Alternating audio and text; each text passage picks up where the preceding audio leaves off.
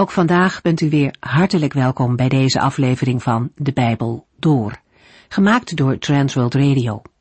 Voor meer informatie kijkt u dan op onze website transworldradio.nl.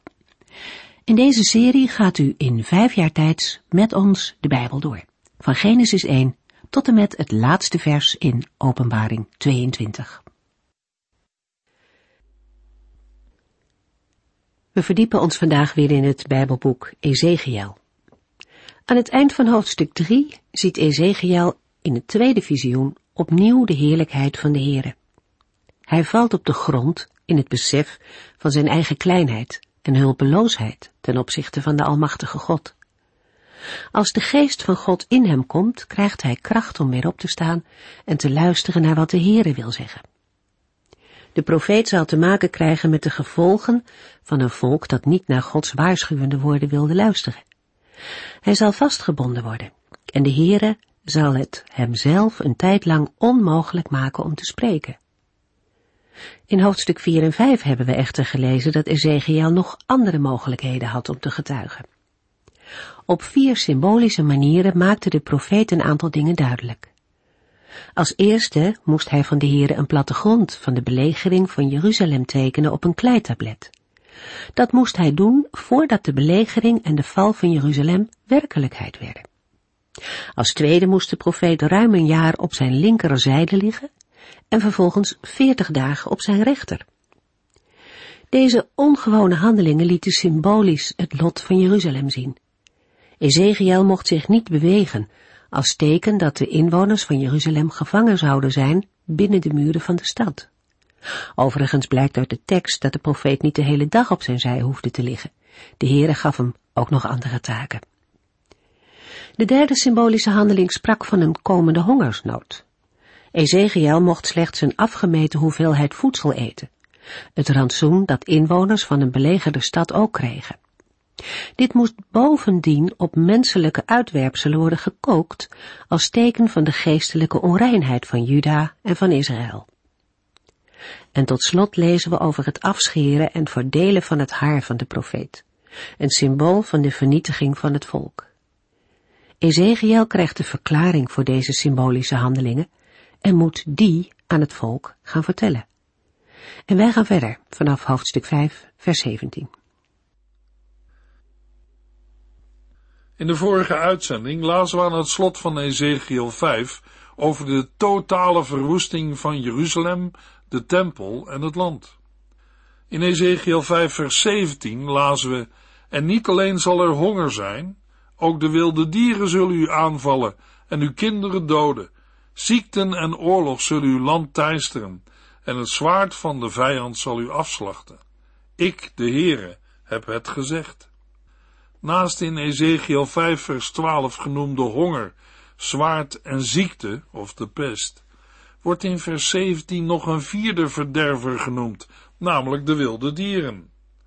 De combinatie van deze vier duidt een volledige verwoesting aan. Zij zullen de vernietiging voltrekken. Ezekiel 6 vers 1 Opnieuw kwam er een boodschap van de Heere. De gelezen woorden zijn het begin van een tweedelige boodschap die we verwoord vinden in Ezekiel 6 en 7. Daarbij moeten we niet vergeten dat Ezekiel alleen kon spreken wanneer hij een boodschap van de Heere doorgaf.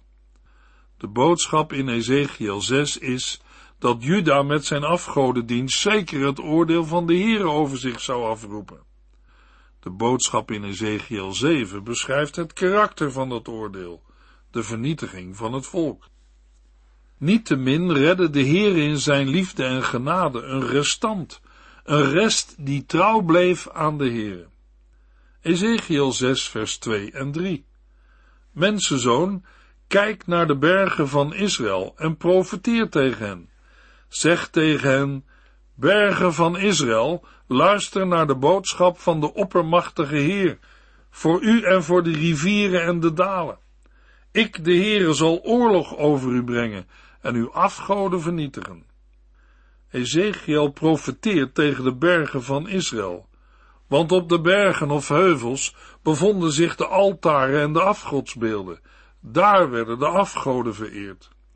De bergen, heuvels, beekbeddingen en dalen zijn de getuigen van Israëls afgoderij. De Heere had al in Leviticus 26, vers 30 tot en met 33 gezegd, ik zal de altaren en de afgodsbeelden, die u op de heuvels aanbidt, vernietigen. Ik zal uw altaren voor reukwerk met de grond gelijk maken. Ik zal een enorme afkeer van u hebben. Ik zal uw steden in puinhopen veranderen, uw heilige plaatsen vernietigen en geen antwoord geven op uw reukoffers. Ja, ik zal uw land verwoesten. Uw vijanden zullen erin wonen en zelfs zij zullen met ontzetting getuigen zijn van wat ik u aandoe. Ik zal u onder de andere volken verstrooien en u met oorlog achtervolgen. Uw land zal een puinhoop zijn, evenals uw steden. Ezekiel 6 vers 4 en 5 Uw heidense altaren zullen worden verwoest en uw wierookbranders verbrijzeld. Uw mensen zal ik voor uw afgodsbeelden afslachten en hun lijken daar laten liggen. Hun beenderen zullen rond uw altaren worden gestrooid. Deze verzen bevestigen dat de Heere doet wat hij heeft gezegd. De woorden geven de werkelijkheid aan van dat wat de Heere al in Leviticus 26 had aangezegd. De heidense altaren zijn de altaren waarop aan de afgoden werd geofferd. Wierookbranders zijn kleine altaren waarop reukoffers werden gebracht. In 2 Kronieken 34 vers 4 lezen we van koning Josia, onder zijn leiding werden de altaren van Baal in stukken geslagen, evenals de reukwerkaltaren die daarop stonden. Ook alle afgodsbeelden werden verbrijzeld, om daarna te worden uitgestrooid over de graven van degene die ervoor hadden geofferd. Toch viel Israël steeds weer terug in het hinken op twee gedachten, het dienen van de Heere en ook de afgoden. De afschuw van de Heere over het dienen van de afgoden wordt in vers 5 onomwonden beschreven. De woorden, uw mensen zal ik voor uw afgodsbeelden afslachten en hun lijken daar laten liggen. Hun beenderen zullen rond uw altaren worden gestrooid, zijn een manifestatie van de onmacht van de afgoden. Zij zijn niet in staat om de vernieling van hun altaren te verhinderen en om hun vereerders te redden van de dood. In de Hebreeuwse tekst worden de afgoden genoemd met een bijzonder verachtelijke naam, namelijk drekgoden of stinkgoden. De naam is te herleiden tot een woord dat uitwerpselen betekent. Daarmee wordt aan de overtreders een eervolle begrafenis onthouden terwijl tegelijk de door hen voor heilig gehouden offerplaatsen worden verontreinigd. De Heere had bij monden van de profeet Jeremia zijn volk al gewaarschuwd en gezegd wat er zou gebeuren als de vijand Jeruzalem zou binnenvallen. Jeremia 8 vers 1 tot en met 3. Dan, zegt de Heere, zal de vijand de graven van de koningen van Juda van de bestuurders en priesters en van de profeten en het volk van Jeruzalem openbreken. Hun beenderen zullen zij uitgraven en over de grond verspreiden voor de zon, de maan en de sterren, de goden van mijn volk, van wie zij hielden en die zij om raad vroegen en vereerden. Hun beenderen zullen niet weer worden verzameld of begraven, maar als vuilnis op de grond blijven liggen en zij die van dit slechte volk nog in leven zijn, zullen naar de dood verlangen. Waar ik ze ook heen zal verbannen, zij zullen liever sterven dan leven, zegt de Heere van de hemelse legers. De afgoden als menselijke maaksels zijn machteloos tegen de Heere. Ezekiel 6 vers 6 en 7 Overal waar u woont, zullen de steden verwoest en de offerplaatsen vernietigd worden. Uw altaren zullen verlaten zijn. Uw afgodsbeelden en uw reukwerkbranders zullen verbrijzeld zijn. Doden zullen er onder u vallen, zodat u zult erkennen dat ik de Heere ben. In de versen 6 en 7 wordt nog een keer bevestigd wat in het voorgaande is gezegd en aangegeven. Het niet begraven worden gold als een zeer zware straf. Maar zoals het met alle strafmaatregelen van de Heer het geval is, moet ook deze dienen om van het volk Israël de erkenning te krijgen dat de Heere alleen God is. De woorden, zodat u zult erkennen dat ik de Heere ben, komen in het Bijbelboek Ezekiel 66 keer terug. Ezekiel 6 vers 8 tot en met 10. Wel zal ik een klein deel van mijn volk sparen, en dat verspreiden onder de volken van de aarde. En zij die onder de volken zijn verbannen, zullen aan mij terugdenken en zich herinneren hoe zij met hun overspelige harten en hun liefde voor afgoden mij hebben bedroefd. Dan zullen zij zich schamen over het kwaad dat zij hebben bedreven en over hun weerzienwekkende gedrag. Dan zal hun duidelijk worden dat alleen ik de Heere ben en dat ik niet voor niets heb gedreigd dat hun dit alles zou overkomen. In de verse 8 tot en met 10 verschijnt een lichtstraal in deze profetie van donkerheid en ellende. De Heere zal een rest sparen, een klein deel van zijn volk, maar alleen nadat zij een aantal harde lessen hadden geleerd. De Heere moet vaak mensen breken om hen tot oprecht berouw en bekering te brengen. Het volk van God, de Israëlieten, moesten een andere houding aannemen, maar dat ging niet vanzelf. Zij zouden niet veranderen tenzij de Heer hun hart en gedachten zou breken door vernedering, pijn, lijden en verslagenheid. Ook voor ons zijn deze dingen een les. Verlangt u, jou en mijn hart genoeg naar de Heere om die dingen te veranderen die hem verdriet doen? Of moet de Heere eerst ons hart breken? Waarom dat zou moeten? Omdat de Heer het niet kan aanzien dat mensen voor zijn woorden en waarschuwingen horende doof en ziende blind zijn. In zijn liefde staat de Heere niet toe dat een schepsel van hem zich in de eeuwige afgrond stort. Daarom heeft hij er alles aan gedaan om de wereld te redden, inclusief zijn eigen volk Israël. In Jesaja 9 lezen we al over Gods liefde voor zijn volk en de wereld. Jesaja 9 vers 1 tot en met 6. Het volk dat in duisternis leeft, zal een groot licht zien. En over hen die wonen in het land waar de dood heerst, zal een licht opgaan. Want Israël zal weer groot worden gemaakt en blij zijn, zoals men in de oogsttijd blij is, of zoals overwinnaars blij zijn als zij de buit verdelen. Want God zal de ketens van dit volk breken en de zweep die het slaat kapot maken, zoals hij ook deed toen grote groepen Midianieten door Gideons kleine bende werden verslagen.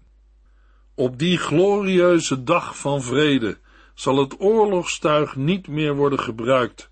De met bloed doordrenkte mantels en de dreunende laars zullen worden verbrand. Want een kind is ons geboren, een zoon werd ons gegeven, en de heerschappij zal op zijn schouders rusten. Dit zullen zijn koninklijke titels zijn. Wonderbare raadgever, machtige God, eeuwige Vader, vredevorst. Aan zijn vredevolle bewind zal nooit een einde komen. Vanaf de troon van zijn vader David zal hij rechtvaardig regeren. Hij zal alle volken van de wereld rechtvaardigheid en vrede brengen. En dit alles zal gebeuren, omdat de brandende liefde van de Heere van de hemelse legers zich heeft voorgenomen dit te doen.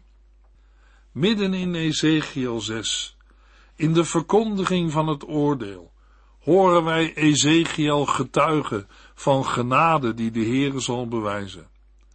De versen 8 en 9 maken wel duidelijk dat ook de rest die overblijft zal lijden voor de zonde, het lijden van de ballingschap.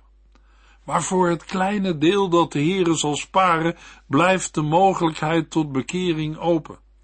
Voor een klein deel zal deze mogelijkheid werkelijkheid worden. Dan zal gebeuren wat we lezen bij de profeten, onder andere in Zacharia 10 vers 8 en 9, waar de Heere zegt, als ik fluit zullen zij komen aanrennen, want ik heb hen gered. En zij zullen weer even talrijk worden als vroeger. al heb ik hen als zaad uitgestrooid onder vreemde volken. Ook in die verre streken zullen zij aan mij denken, en met hun kinderen zullen zij weer terugkomen naar Israël. Ezekiel 6, vers 11. De oppermachtige Heere zegt, Hef uw handen omhoog van afschuw en schud uw hoofd in diep berouw en zeg, wat hebben wij een goddeloze dingen gedaan? Want zij zullen omkomen door oorlog, honger en ziekten. De handen opheffen, in de handen slaan, het hoofd schudden en met de voeten stampen, zijn uitingen van sterke emoties.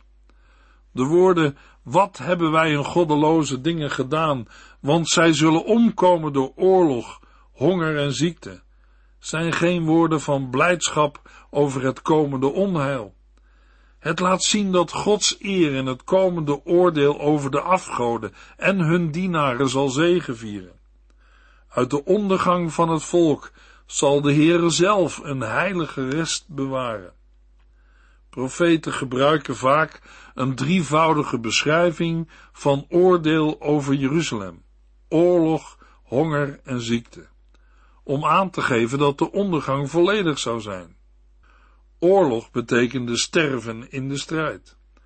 Er kwam hongersnood wanneer de vijand een stad belegerde en ziekten waren altijd een gevaar in tijden van hongersnood. Ook vandaag zullen wij ons niet moeten vergissen in de rijkwijde van Gods oordeel.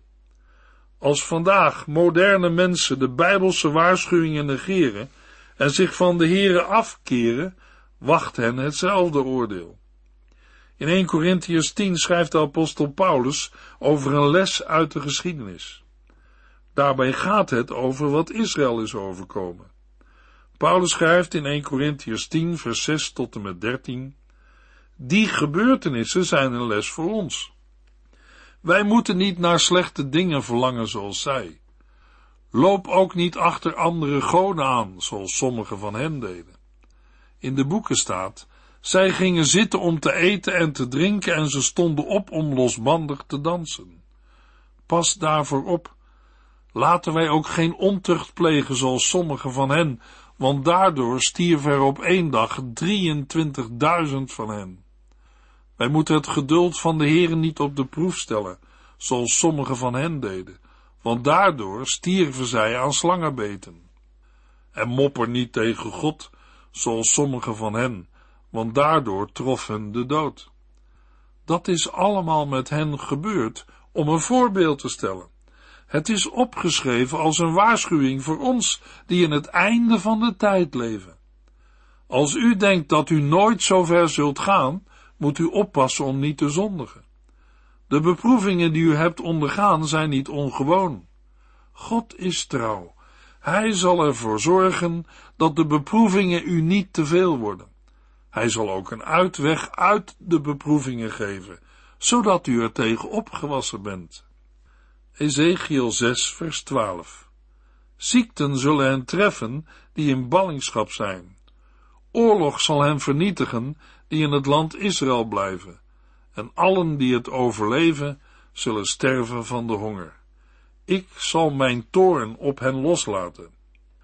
Ook degenen die het verst afwonen en in ballingschap zijn, zullen niet aan het gericht van de Heer ontkomen. Rondwarende ziekten zullen hen treffen. Zij die in het land Israël mochten blijven, zullen mede in het lot van de belegering van Jeruzalem delen en door de oorlog of de honger sterven. In vers 12 keert de onheilsaankondiging nog een keer terug. De ballingen die nog steeds uitzien naar hulp vanuit Jeruzalem, moeten weten dat daar geen hulp vandaan komt. Het kwaad is door de Heere ten volle besloten, opdat het volk zich zal verootmoedigen en bekeren. Ezekiel 6, vers 13. Als hun doden verspreid liggen tussen de altaren en afgodsbeelden op de heuvels en bergen, en onder alle groene bomen waar zij reukwerk aan hun afgoden offeren. Dan zullen zij beseffen dat alleen ik de Heere ben. Ook uit dit vers blijkt dat het oordeel zeker zal komen. Dat wat al eerder was aangekondigd in vers 4 en 7, wordt in vers 13 herhaald. Daarbij gaat het vooral om de erkenning dat de Heere alleen God is. Als de Israëlieten niet alleen horen wat er gaat gebeuren, maar het ook nog met hun eigen ogen zien, dan zullen zij beseffen dat alleen ik de Heere ben. Het zet ons stil bij de vraag, wat is er in ons leven nodig om tot hetzelfde besef te komen? Het besef dat er maar één ware God is, de God van Israël, de God en Vader van de Heer Jezus Christus, de drie-enige God, de Vader, Zoon en Heilige Geest. Wat de Heere betreft, hoeft het van hem niet op een hardhandige manier. Maar het is net als met de opvoeding van kinderen.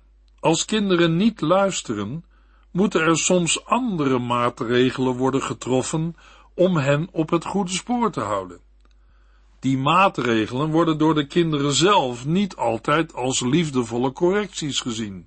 Toch zijn ze nodig. De levende God heeft een heleboel afgedwaalde en verloren kinderen.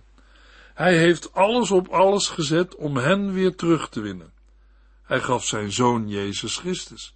Hij stierf voor onze zonde aan het kruis, opdat een ieder die in hem gelooft niet verloren gaat, maar het eeuwige leven ontvangt.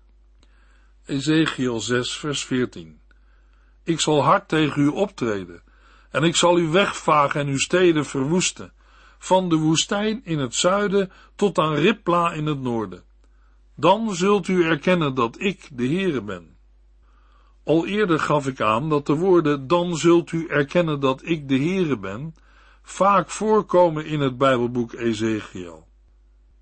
Het doel van al Gods straffen was niet om wraak te nemen, of te laten zien dat hij de sterkste is en het laatste woord heeft, maar om het volk Israël in te laten zien dat de Heere de enige ware en levende God is.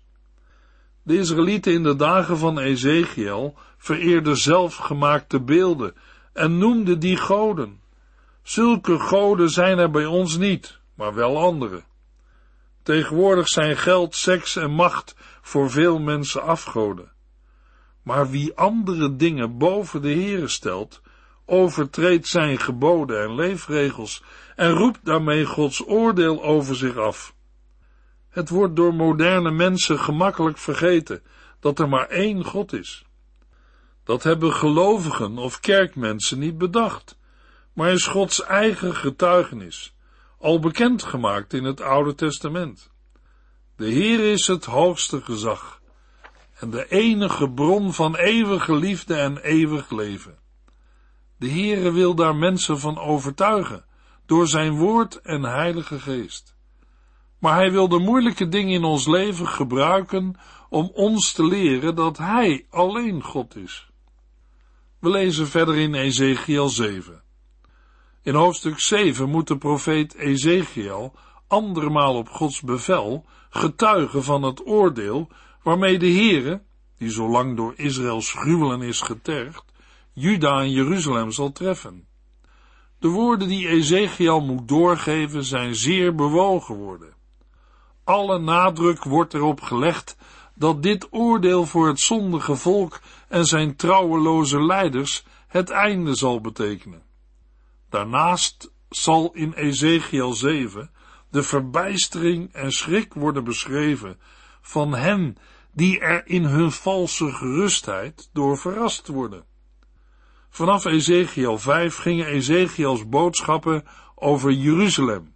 En nu komt in Ezekiel 7 het hele land in zicht. Jeruzalem was nog niet verwoest. Hoewel er al veel inwoners waren weggevoerd, zijn er toch nog mensen achtergebleven. Een aantal gebeurtenissen hadden al plaatsgevonden, maar ze hadden niet tot gevolg gehad dat het volk zich tot de Heere had bekeerd. Maar de Heere laat afgedwaalde en ongehoorzame kinderen niet in hun verlorenheid zitten. Hij stuurt opnieuw zijn boodschapper. Ezekiel 7 vers 1 en 2 Opnieuw kreeg ik een boodschap van de Heere. Zeg tegen Israël, in welke richting ik ook kijk, oost, west, noord of zuid, het einde is gekomen voor uw land.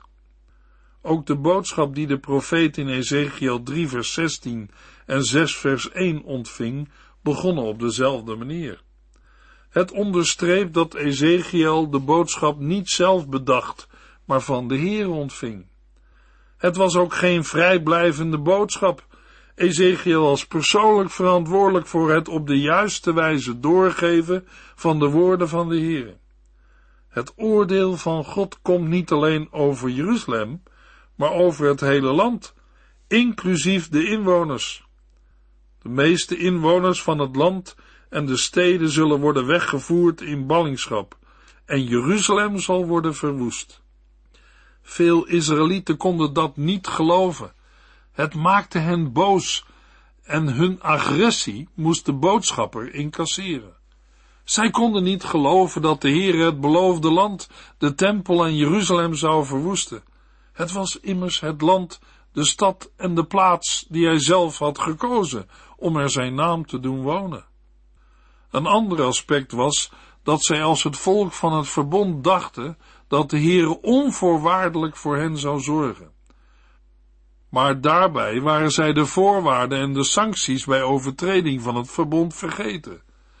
Zij wilden de Heere wel dienen, maar dienden ook andere goden. Het was een hinken op twee gedachten. De profeet Elia riep het al in 1 Koningen 18 vers 21. Hoe lang blijft u nog op twee gedachten hinken? Als de Heer uw God is, volg hem dan. Maar als Baal God is, moet u die volgen. Maar het volk zweeg. Dit zwijgen is kenmerkend voor een volk dat zijn God vergeet.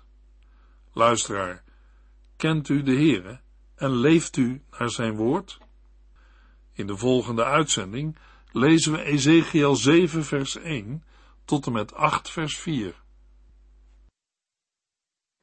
U heeft geluisterd naar De Bijbel Door, in het Nederlands vertaald en bewerkt door Transworld Radio. Een programma waarin we in vijf jaar tijd de hele Bijbel doorgaan. Als u wilt reageren op deze uitzending of u heeft vragen, dan kunt u contact met ons opnemen. Tijdens kantooruren kunt u bellen op 0342 478432. 0342 478432. Ook kunt u een e-mail sturen naar de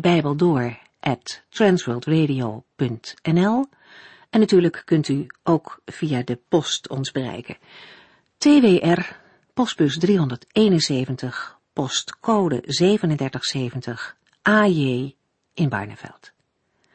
Dit programma werd gepresenteerd door Cor Weda en Ike André.